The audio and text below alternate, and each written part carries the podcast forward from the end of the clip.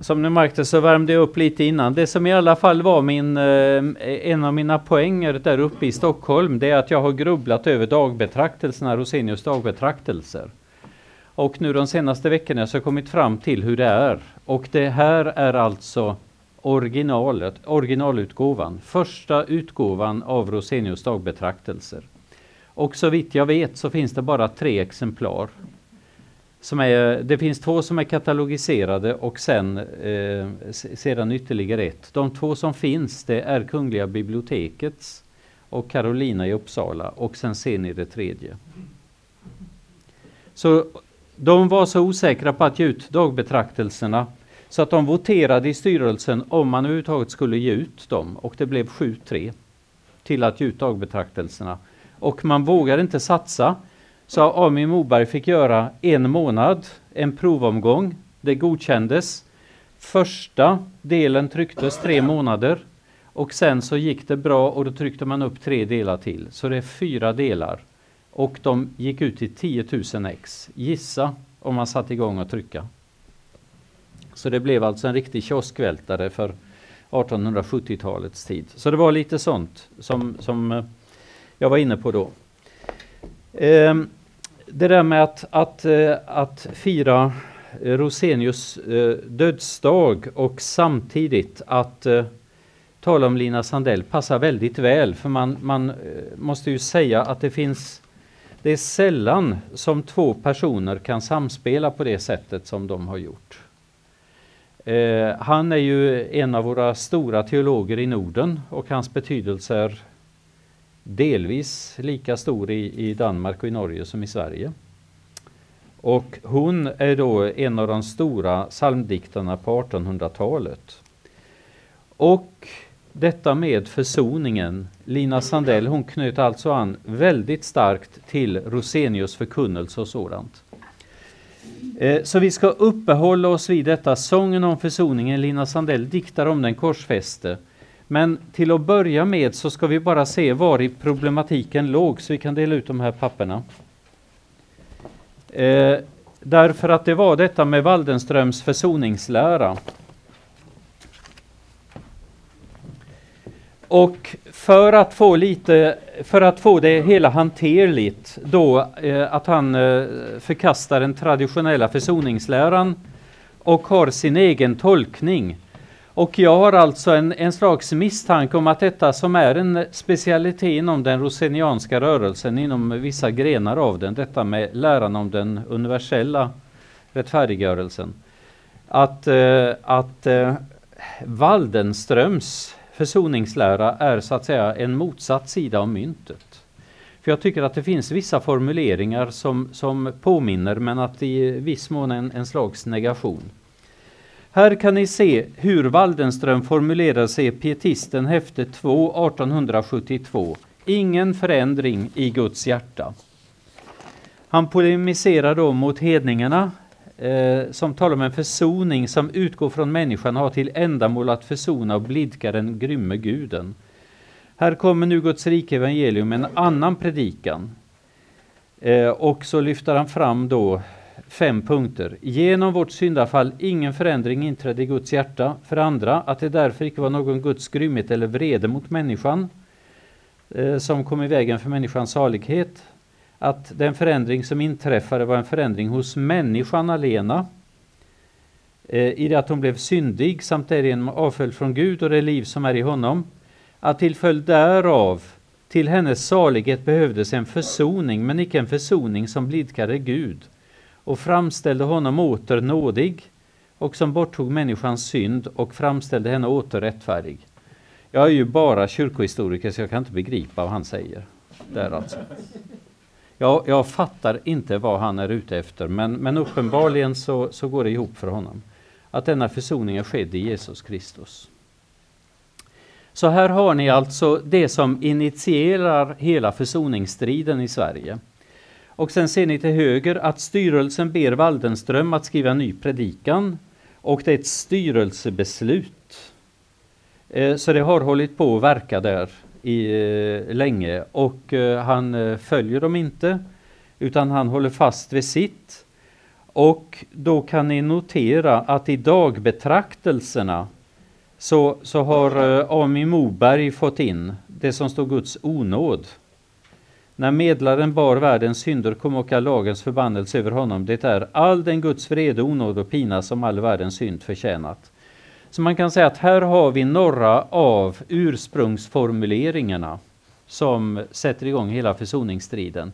Det leder sedan till denna konflikt som innebär att Missionsförbundet bildas 1877 och EFS tappar större delen av sina medlemmar.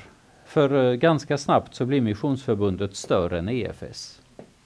Så här har vi centrala teologiska formuleringar. Nu är inte min uppgift att gå in och reda ut det hela och det hade jag inte åtagit mig i ämnet.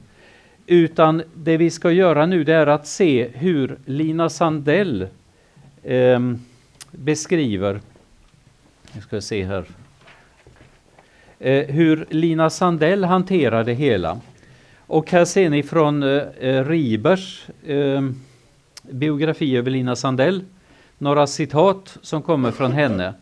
Men vi ska framförallt eh, uppehålla oss vid Lina Sandells diktning och så ska vi se, återspeglas försoningsstriden där på något sätt? Så det, det, blir en slags, eh, vad ska man säga, kontextuell studie av, av delar av Lina Sandells diktning. Så då, då kastar vi oss över den frågan, Lina Sandells diktning. Och då är frågan, hur många salmer och sånger har Lina Sandell skrivit? Ja. Ja.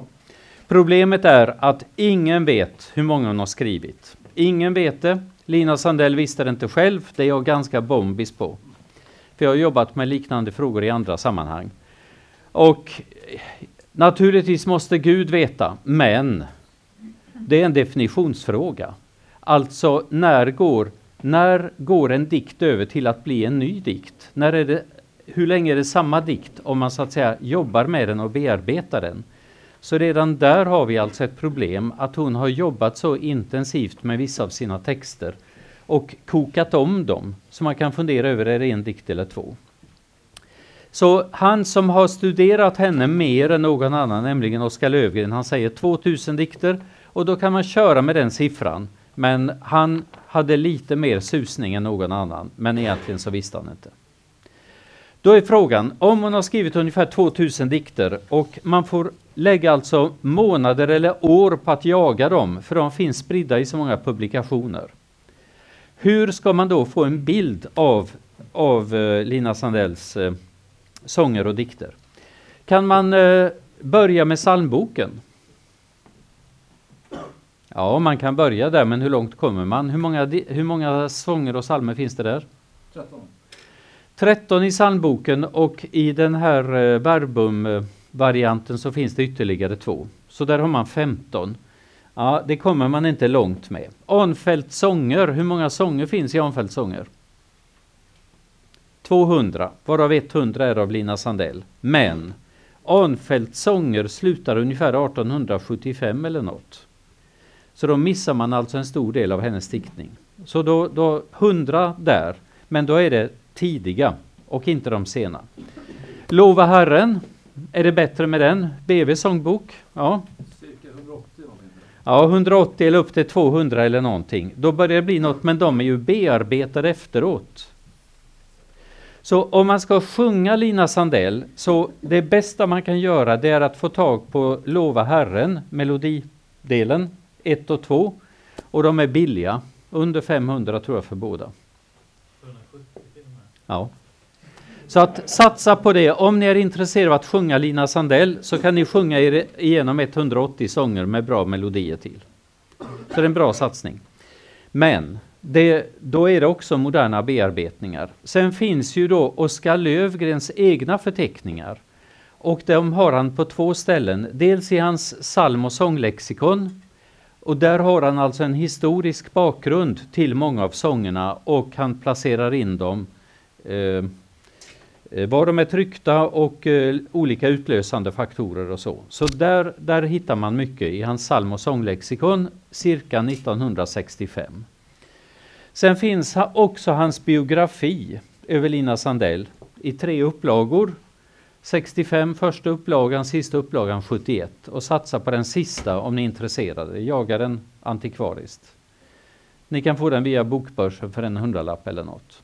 Där har han listat 180 sånger eller 200 eller något. Och då kan man få reda på var de ursprungligen är publicerade. Så så långt kan man komma, nästan, men man kan gå ett hack till. Och då är det att man får tag på den här, Samlade sånger av LS. Och där finns det en speciell poäng med att använda den här. För det är tre delar så det är ungefär 600 sånger. Det är hennes definitiva versioner. Och det innebär att man grubblar över blott en dag vilken version man ska använda så kan man se att den finns med i ett av de här häftena, eh, en av, eh, en av de här böckerna. Och då får man alltså den version som hon ville sprida.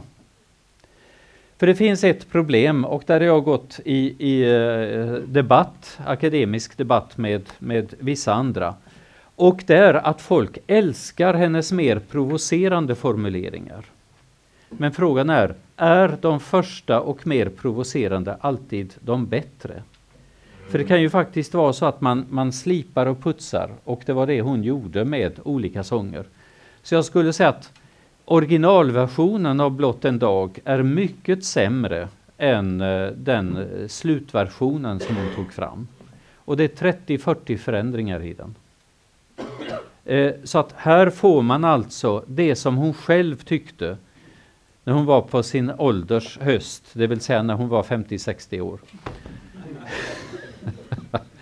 Eh, det, som, det som hon själv ville stå för. Därför att problemet var att folk tog hennes texter och bearbetade och körde in i sina sångböcker. Så baptisterna gjorde det, Palmqvist och vad de hette, och sen var det missionsförbundare som också gjorde det. Och då gjorde de ofta lite sådär små korrigeringar när hon var lite för roseniansk. Så att hon, hon eh, stred för sin copyright, även om hon inte använde ordet copyright så var det exakt det hon stred för.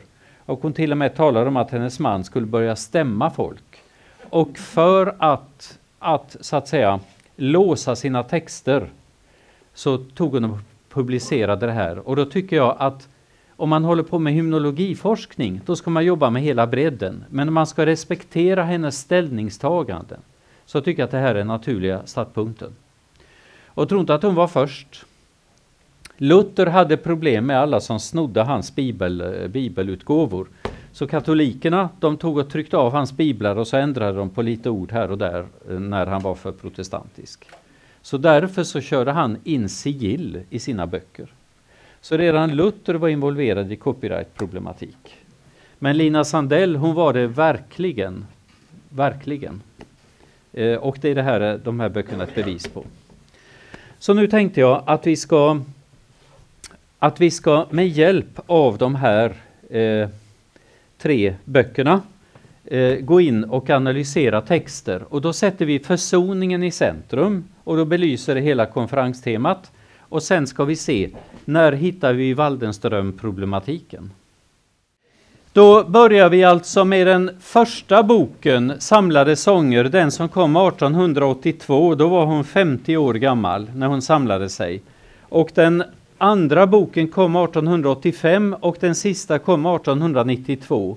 Det innebär att det man missar det är det hon har skrivit efter 1892, men det är alltså en ganska liten del av hennes produktion och inte, vad ska man säga, några av de mest eh, kända. Det kan vara några enstaka, men överlag så, så fram till 1892 har vi med det allra mesta Eh, det är något märkligt exempel. Jag ska se om jag kommer på vilket. Men om vi börjar då med eh, det första bladet, det jag kallar för 1.1. Så, så har jag då kopierat ihop fyra sidor som ni ser, 59, 60, 61, 62. Och då hamnar vi ganska direkt på eh, vissa saker som är eh, ganska tydliga för henne.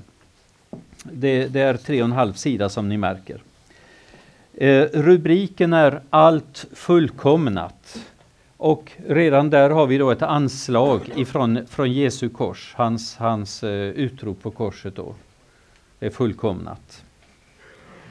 Eh, och jag har strukit för en del ställen som jag tycker kan vara relevanta att titta på. Om vi tittar på sidan 60, det för, som är förstruket där.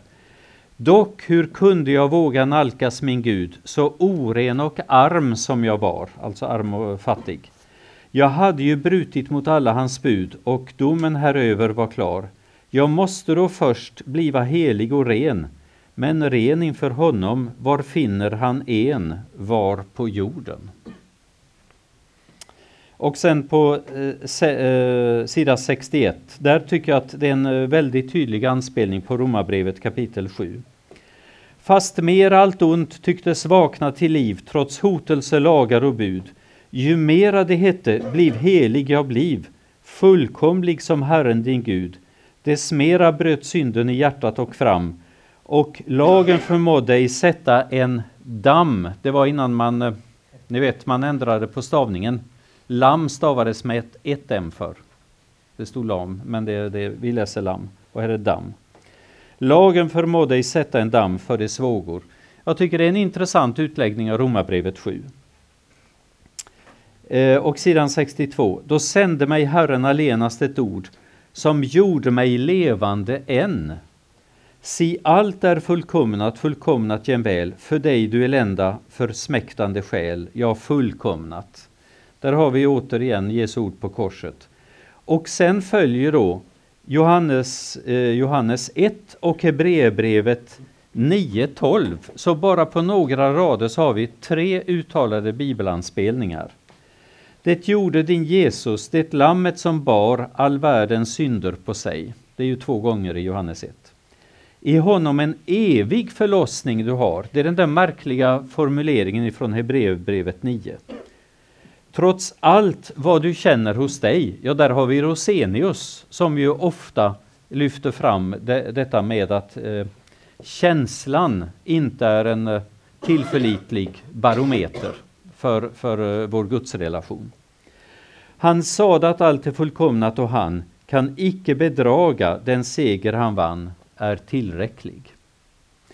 Så här skulle jag säga att, att, bara på den här sidan så märker vi att hon drar inte alls åt Waldenström-hållet. Utan det är väldigt kraftfulla och tydliga bibelord som hon lyfter fram.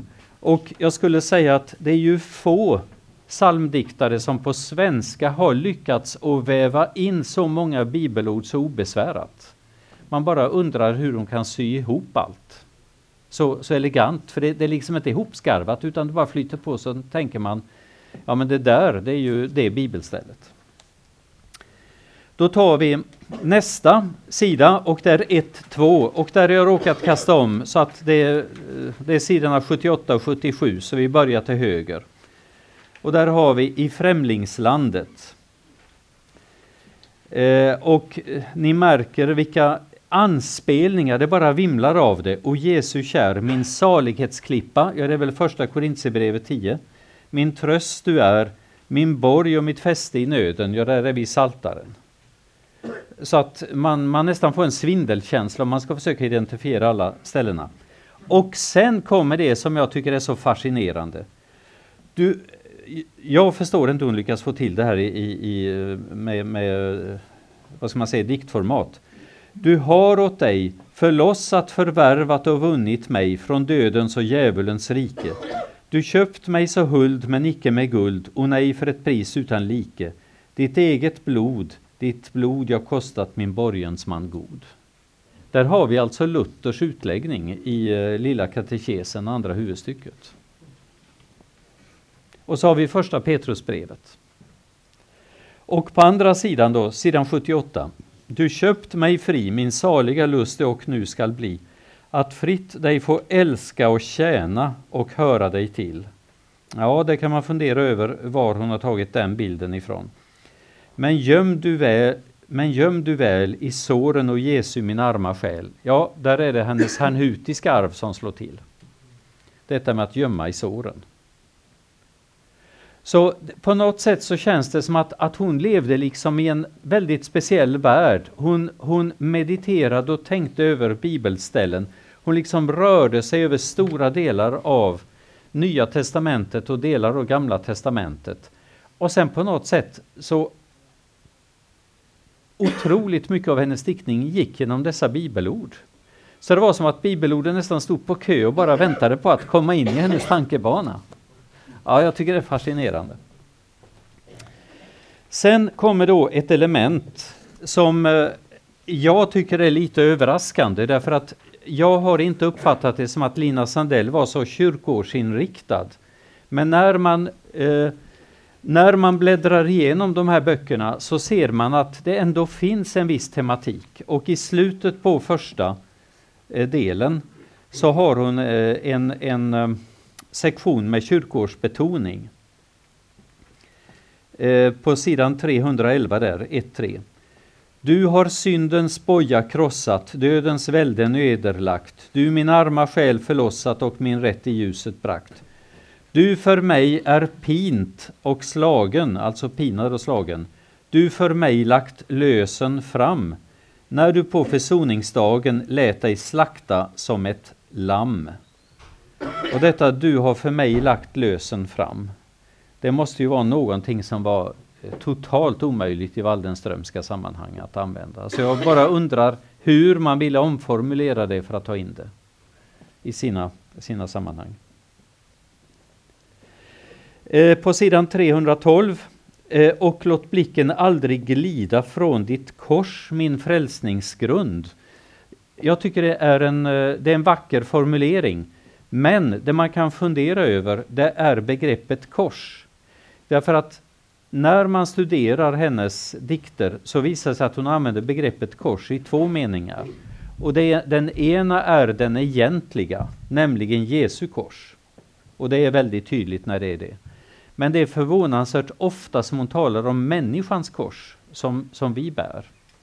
Så det ska ni vara medvetna om att, att eh, eh det vi möter här, det är ofta Jesu kors. Men om man sen tittar igenom böckerna i sig så när det står kors så är det, syftar det väldigt ofta på vår, eh, våra lidanden. I överförd mening alltså. Och eh, sen eh, 312-313. Han ett liv har återfunnit som han, gav, som han för min frälsning gav. Mörkrets furste är nu bunden och besegrad dödens makt. Här tycker jag att här hör man på något sätt lite av de gamla salmerna eh, som, som kommer från arvet från eh, ortodoxin och eh, lite grann Berlin och sådär. Det ska vi återkomma till. Då har vi till sist 1.4. Han är uppstånden.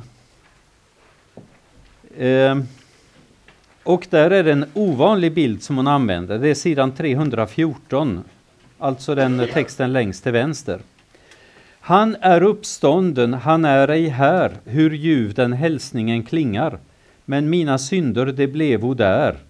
Ty det, det fingo ej vingar, det ligga kvar uti Kristi grav. Har ni stött på den tanken för? Jag tycker det var en väldigt ovanlig formulering. Att mina synder fick ej vingar så de ligger kvar i Kristi grav.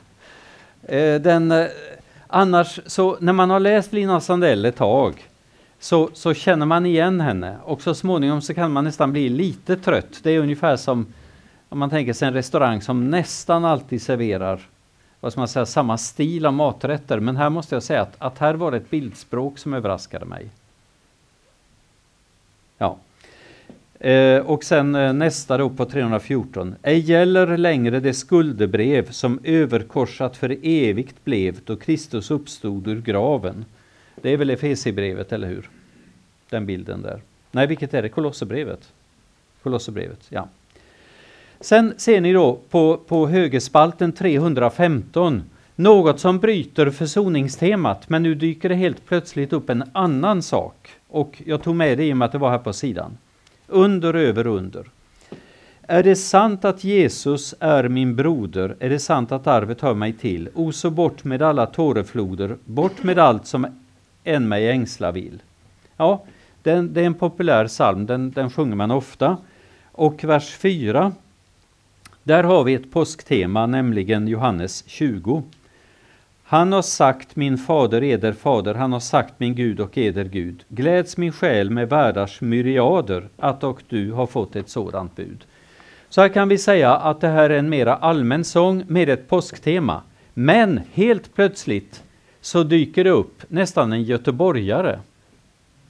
Därför att helt plötsligt så börjar hon vitsa och titta på rubriken under, över, under. Jag menar, det är inte teologi, det är en ordvits. Och, och det finns en speciell tanke här och det märker man på att, att det i vers 2 finns den formuleringen men sen har hon satt det som rubrik, det vill säga det är mycket medvetet som hon använder den formuleringen, under, över, under. och det tycker jag det, det är en, en slags mycket, mycket tänkvärd ordvits, men den bryter lite grann mönstret i Lina Sandells, eh, vad ska man säga, förutsägbarhet. För när man har uh, läst ganska mycket och sjungit och sådär, så, så känner man igen att 90% är väldigt, vad ska man säga, det, det, det finns gemensamma drag. Men här liksom hackar det till. Eh, och sen efter det kommer då uppsvuljen i segern är döden och det är ju Paulus formulering från första Korintierbrevet 15. Uppsvuljen i segern är döden för visst, så står det, ja så står det skrivet. Sitt välde förskräckelsens konung har mist, besegrad för evigt av livet. Återigen så undrar jag, hur mycket av Lina Sandells diktning kunde Missionsförbundet egentligen använda? Det, det tycker jag man kan fundera över. Ja, då har vi avverkat alla de här bladen, eller hur? Då ska vi se nästa omgång. Och då eh, är det ett papper här. Förlåt? Ja, okej, okay, okej. Okay. Eh, då är det dubbelt här. Hade ni 2-1, för det var det här också. Guds källa vatten till fyllest. Har alla det? Okej, okay då, kan vi, då kan jag fortsätta direkt med det, 2-1. Här bryter vi återigen eh, det här försoningstemat, men av en väldigt speciell anledning. Nämligen att, att jag tycker det, det är relevant att lyfta fram försoningstemat. Men vi måste också så att säga redovisa andra grejer som kan vara lite anmärkningsvärda eller problematiska. Och de har jag fångat då på det här, det här bladet. Därför att först så står det då Guds källa har vatten till fyllest. Och nu ska vi se, var hamnade vi nu?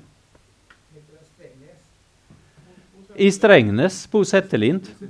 Ja, det vill säga att här, här så måste det helt enkelt föreligga ett litterärt samband. Det, det, finns inte en chans att han har hittat på det här, utan hans kända psalm, som verkligen är känd, den måste ha tagit sin inspiration härifrån. För vi har exakt samma formulering, Guds källa har vatten till fyllest. Det var inte vad man sa i Strängnäs stift på 70-talet. Och sen så är det exakt samma versmått. Det enda är att han har kapat mitt i. Så här tror jag faktiskt att det är ett litterärt samband. Ja, och det var inte snällt gjort av honom. Jag tycker att han åtminstone kunde, för han, han levde ju när, när sandboken kom, sen dog han ganska kort efter. Han kunde ju erkänt att det förekom, eh, vad ska man säga, åtminstone en blinkning till Lina Sandell. Det tycker jag han kunde ha gjort.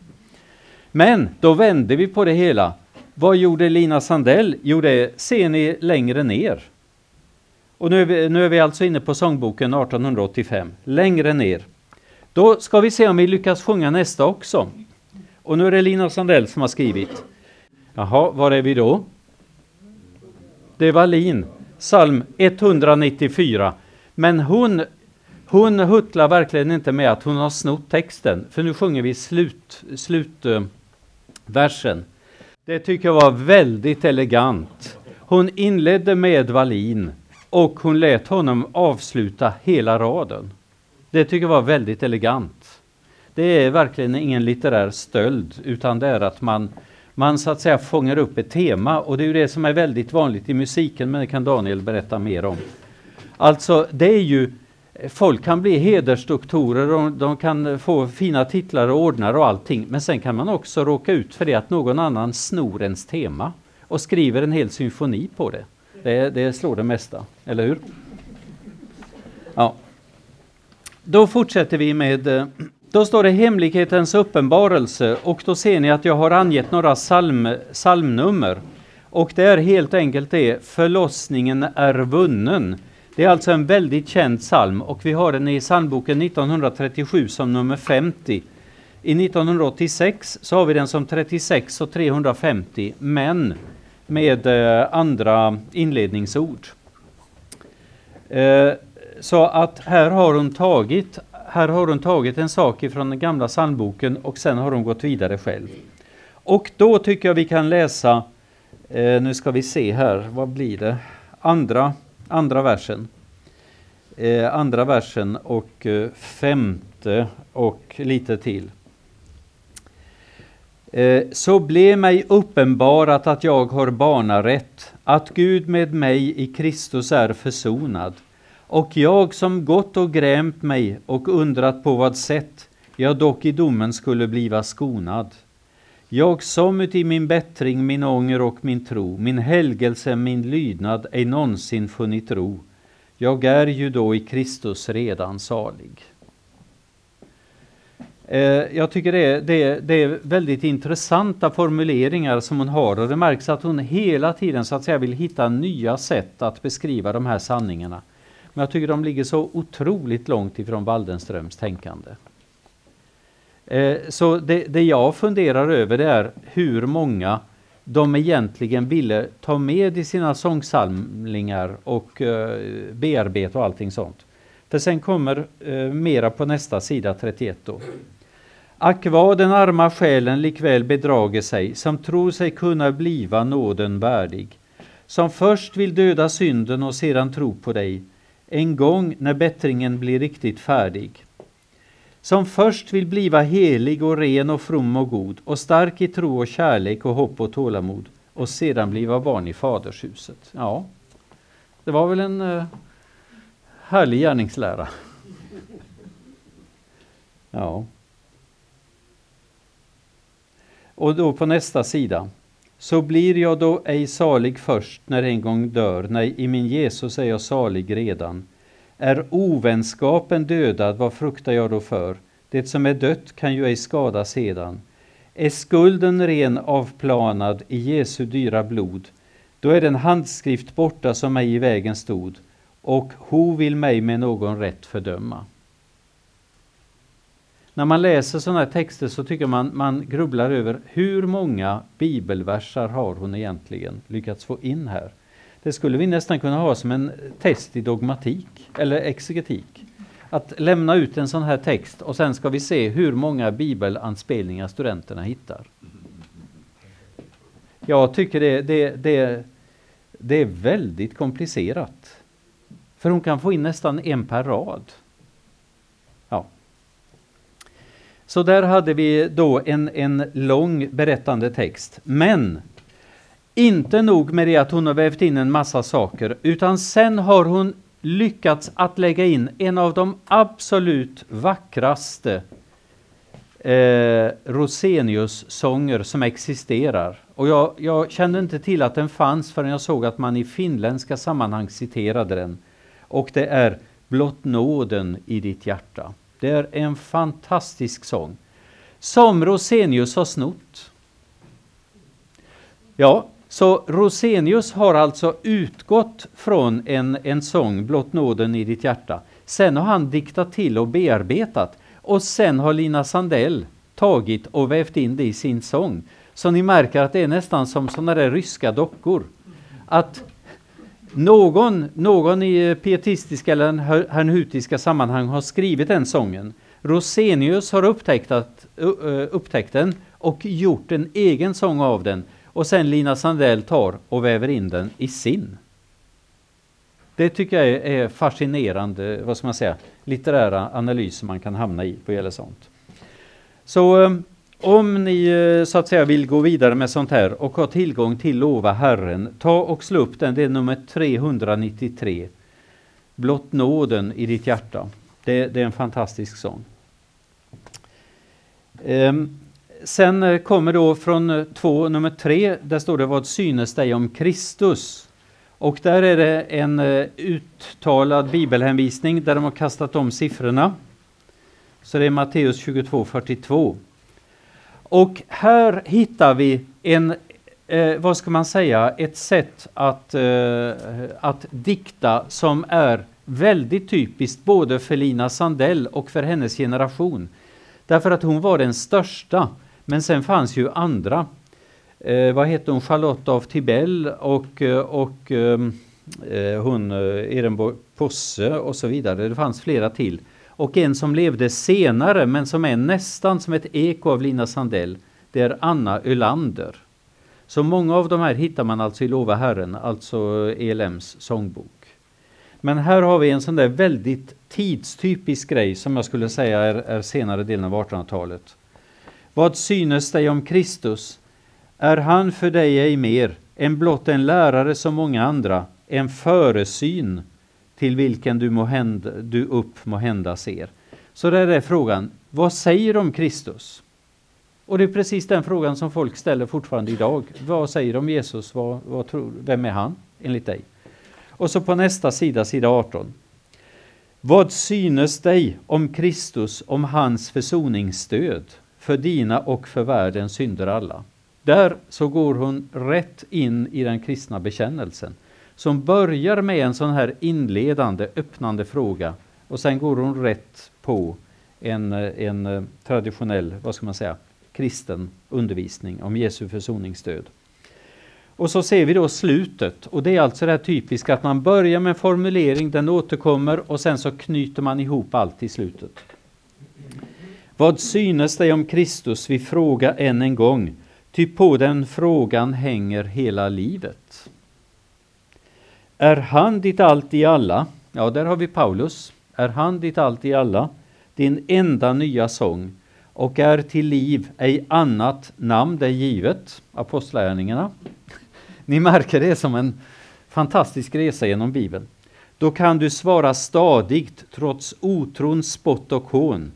Jag tror att han är Kristus, ja levande Guds son. Där är vi inne i evangelierna som frälsat mig från evig död och våda.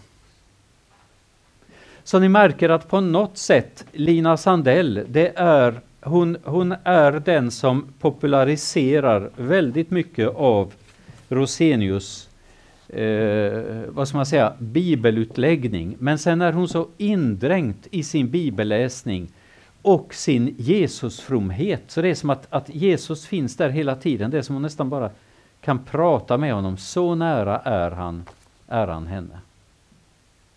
Så det, det, det, det finns en, en, en sån intensitet i hennes andlighet. Ja, jag tycker det är fascinerande. Sen kommer en dikt som är eh, som är väldigt speciell och den bryter mönstret så den, den ser man aldrig röken av i Lova Herren eller andra sångsamlingar. Utan då måste man leta antingen i de här eh, skrift, eh, de här eh, tidningarna där hon har medverkat eller här. För det här är liksom en julberättelse. Det är en from julberättelse men med en helt annan, vad ska man säga, konklusion än det man är van vid att möta. Eh, här är en dotter som pratar med sin pappa. Eh, det lider mot julen och fader kär. Vi, alltså varför, why på engelska. Vi går du så sorgsen som vore här, ej själv till glädje för handen. Så det är dottern.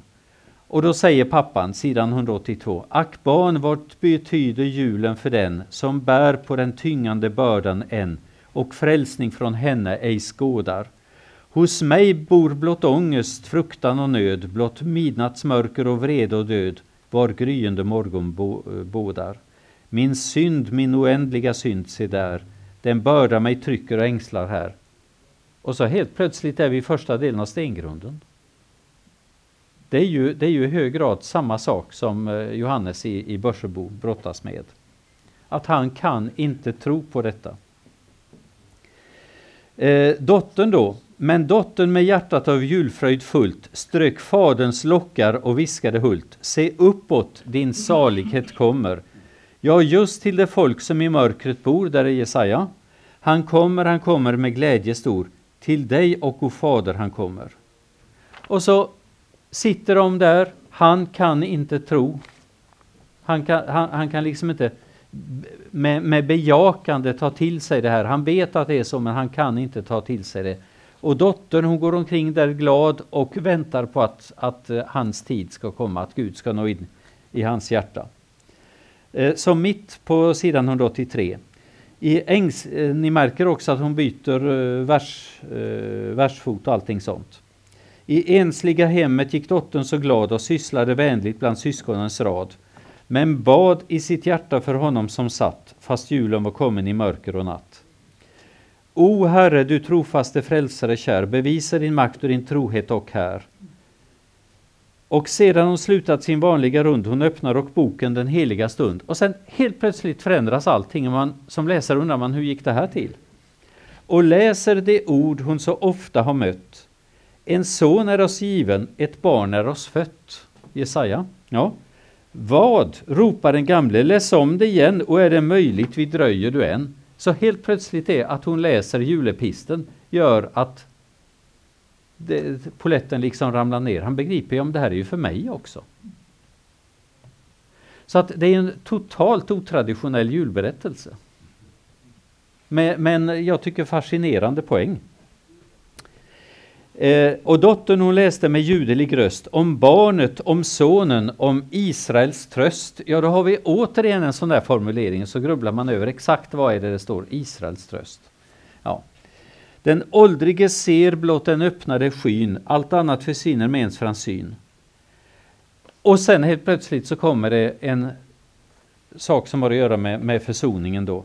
Är mig han och given den sonen så huld, då har han ju också avplanat min skuld. Och jag vilken dåre som släpar och bär på skulden då redan förlåten den är. Jag tycker att som julberättelse så, så har den liksom inga paralleller och då måste jag erkänna att jag har läst många julberättelser under årens lopp, ni vet i jultidningar och allting sånt. Men den här tycker jag har en helt annan struktur. Ja, det är fascinerande. Sen kommer då eh, eh, Sen kommer då det ni ser att det står 2.5 Ärans konung. Och det behöver vi eh, inte uppehålla oss så väldigt eh, mycket vid. Men här ser ni att här har hon då en hel sektion med, med ett eh, faste och påsktema. Ärans konung och där har hon ett ovanligt versmått som påminner om en av psalmerna. Jag kommer bara inte ihåg vilken. Men ni ser konung med de helga, dyra, djupa såren, du som gav ditt liv för fåren. Där har vi alltså en, en, en psalm från ortodoxins tid med ortodoxins versmått och så har vi ett, en hanutisk formulering. Så det är en intressant kombination. Och sen från påsken där han tager villigt all vår skuld och all vår dom på sig, att ingen dom till evig tid nu mer må drabba mig. Ja, och sen fastlagstiden. Och Jesu åter är en tid för handen som talar om ditt lidande, din död. Då du för mig bar bojorna och banden, det tunga korset och all dödens nöd. Och återigen så undrar jag, hur skulle Waldenström ha formulerat det? Det, det, det är alltså en massa formuleringar. Jag skulle inte säga att de är riktade mot honom, men eh, med hans tänkande så skulle det, det vara oanvändbart. Och sen kommer eh, vilken kärlek. Och då är frågan, vem är det Lina Sandell citerar? Vilken kärlek?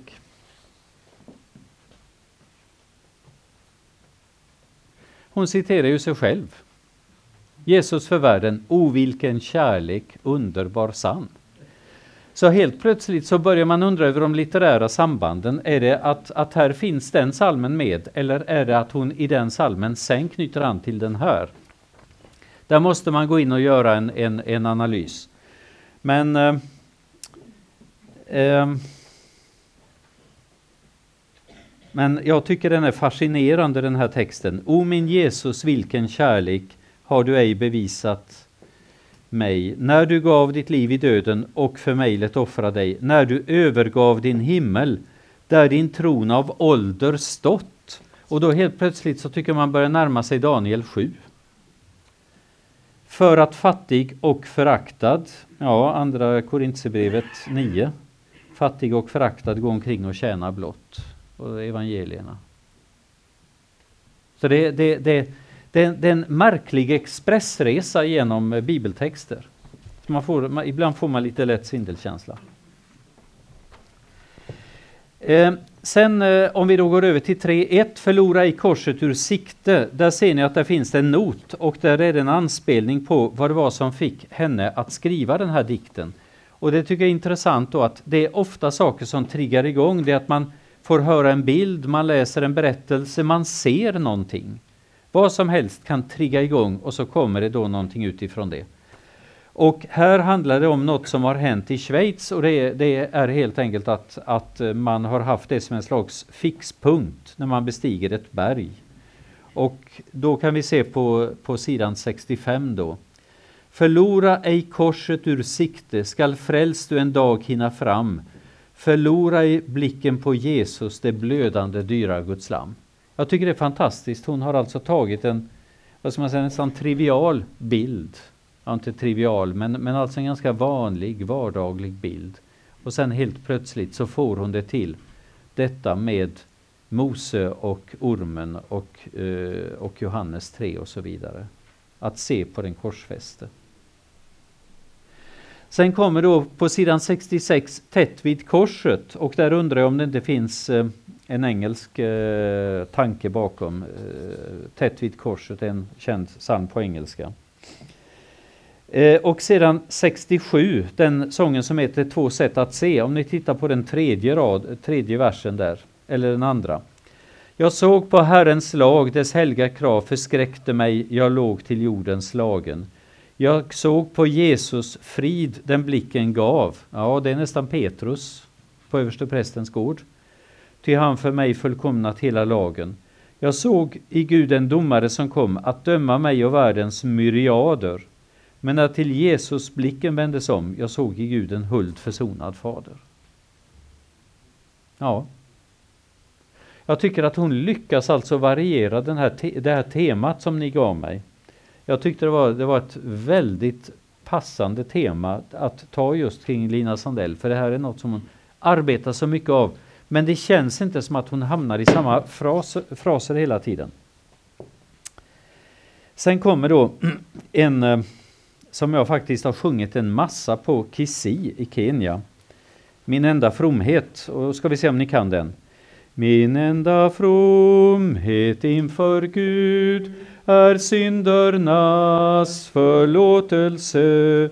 Min enda trygghet vid hans bud är syndernas förlåtelse. Hur otron stöter sig därpå, det är ju dock i sanning så. Min enda fromhet inför Gud är syndernas förlåtelse. Ja. Jag skulle säga att, att om man sjunger hela den salmen igenom så kan en del kanske uppleva det som att det är nästan lite enformigt, nästan lite tjatigt. Jag skulle kunna tänka mig att om man gör det i en stor skara så är det några som kanske går ifrån den gudstjänsten eller det, det mötet och säger ja, det var det som var det allra bästa. Det var precis det jag behövde höra, att det liksom nöttes in. Ja. Så det var den, den sången. Eh, sen eh, eh har vi då 3.2 under fastlastiden och där talas det om eh, korset. Olo talet om ditt kors, Jesus och för mig, blir den kraft som mer och mer drager mig till dig. Ni märker att här är hon nere på, på basic-varianten. Enklare kan man knappt göra en, en, en, en sång än den. Men sen, eh, två mig i ditt dyra blod vitare än snö. Ja, där har vi Jesaja bland annat. och så 246 där uppe. Prägla djupt din marterbild i min själ att jag har mitt öga fäst på den till min sista dag. Det är eh, och huvudet blodigt sårat. Och sen på 247. I Kristi kors alena står min rättfärdighet och trygg i själva döden jag vila vill vid det. Och sen kommer återigen en sån där eh, pastisch eller vad man ska kalla det för, alltså att hon har tagit något. När påskdagsmorgon randas vad ljus kring land och hav Uppstånden är nu Kristus med seger ur sin grav. Uppstånden är nu Kristus med seger ur sin grav. Så då var det juldagen som hade blivit påskdagsmorgon istället. Och sen för våra synder korsfäst var djup av nåd i det. Han uppstått enligt skriften till vår rättfärdighet. Vilken proklamation! Ja. Ehm. Och eh, då på 248, det jag strukit under är den, det andra citatet. Ty hade han ej uppstått förhärligad igen, vi vore dödens fångar i våra synder än. Där har vi återigen det här med, eh, vad ska man säga, att hon går emot den försoningslära som Waldenström drev. Och sen eh, på 249, där tycker jag att där, har, där hör vi Rosenius med Gud och hans vänskap, en av verserna. Är döden över oss alla kommen, igenom en, ohur mycket mer, och livet genom denne ende ene som själv i dödsriket stigit ner. Eh, eh, Rosenius leker med, med ordet en i eh, en av verserna där. Då kommer vi till sist till till 3.3 eh, och om vi börjar nerifrån, min nåd är dig nog. Så börjar den så här, min nåd är dig nog, så ropar en vän som för syndare dog och sökte bland människors barn sig en brud. Där har vi brudtanken, Bengt, som du ofta har anspelat på. I det han försonade världen med Gud, Andra Korintierbrevet 5. Den dag då vid korset han handskriften slog, var det Kolosserbrevet nu? Ja. Min nåd är dig nog. Ja, då har vi Paulus där. Eh, andra Korintierbrevet 12. Ja. Där, där har vi då detta hur han väver in, ja det står ju här 12.9. Så ni märker, ni märker här hur, han, hur, han, hur hon väver in de här bibelställena. Och så undrar man hela tiden, ja men var har hon tagit det ifrån, var kommer det ifrån? Då ska det få mynna ut i en psalm och Eh, nu menar Per Harling att den här salmen som vi hittar då, där det står nummer 45, sidan 45, att den är skriven eh, som ett inlägg i försoningsdebatten. Och det är, det är eh, eh Jesus för världen. Fortfarande utan att ni tittar på bladen så vill jag ställa frågan är den här salmen mycket bearbetad eller är den lite bearbetad?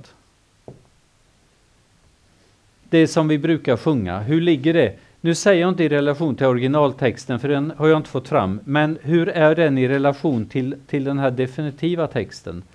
Är det stora bearbetningar eller små?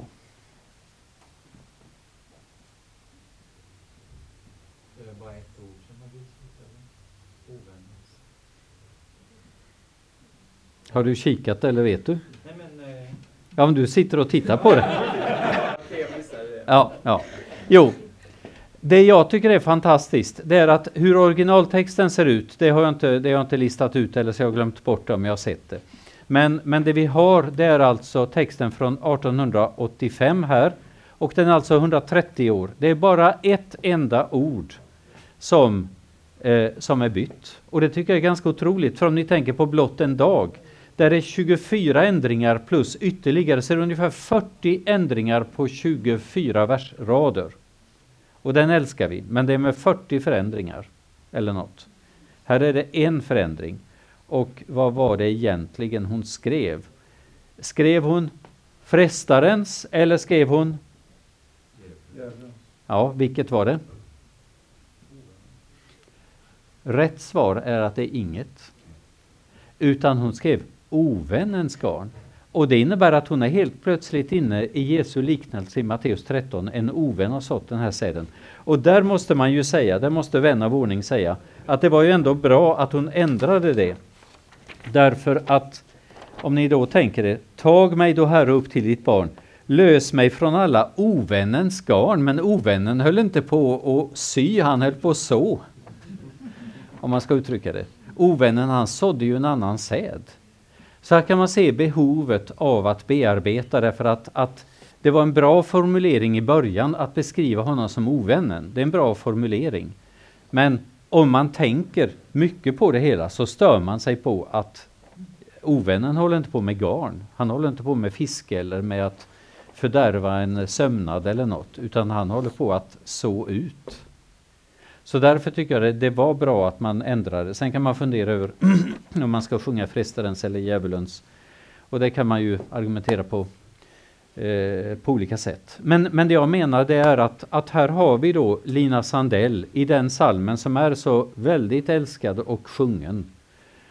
Och jag kan säga att när mina barn var små då sjöng vi den väldigt ofta till, som aftonbön och sådär, så den sitter rejält.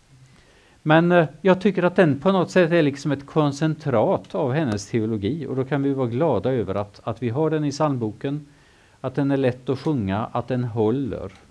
Och eh, eh ja, det, det, är på något sätt den rosenianska fromheten i Lina Sandells tappning.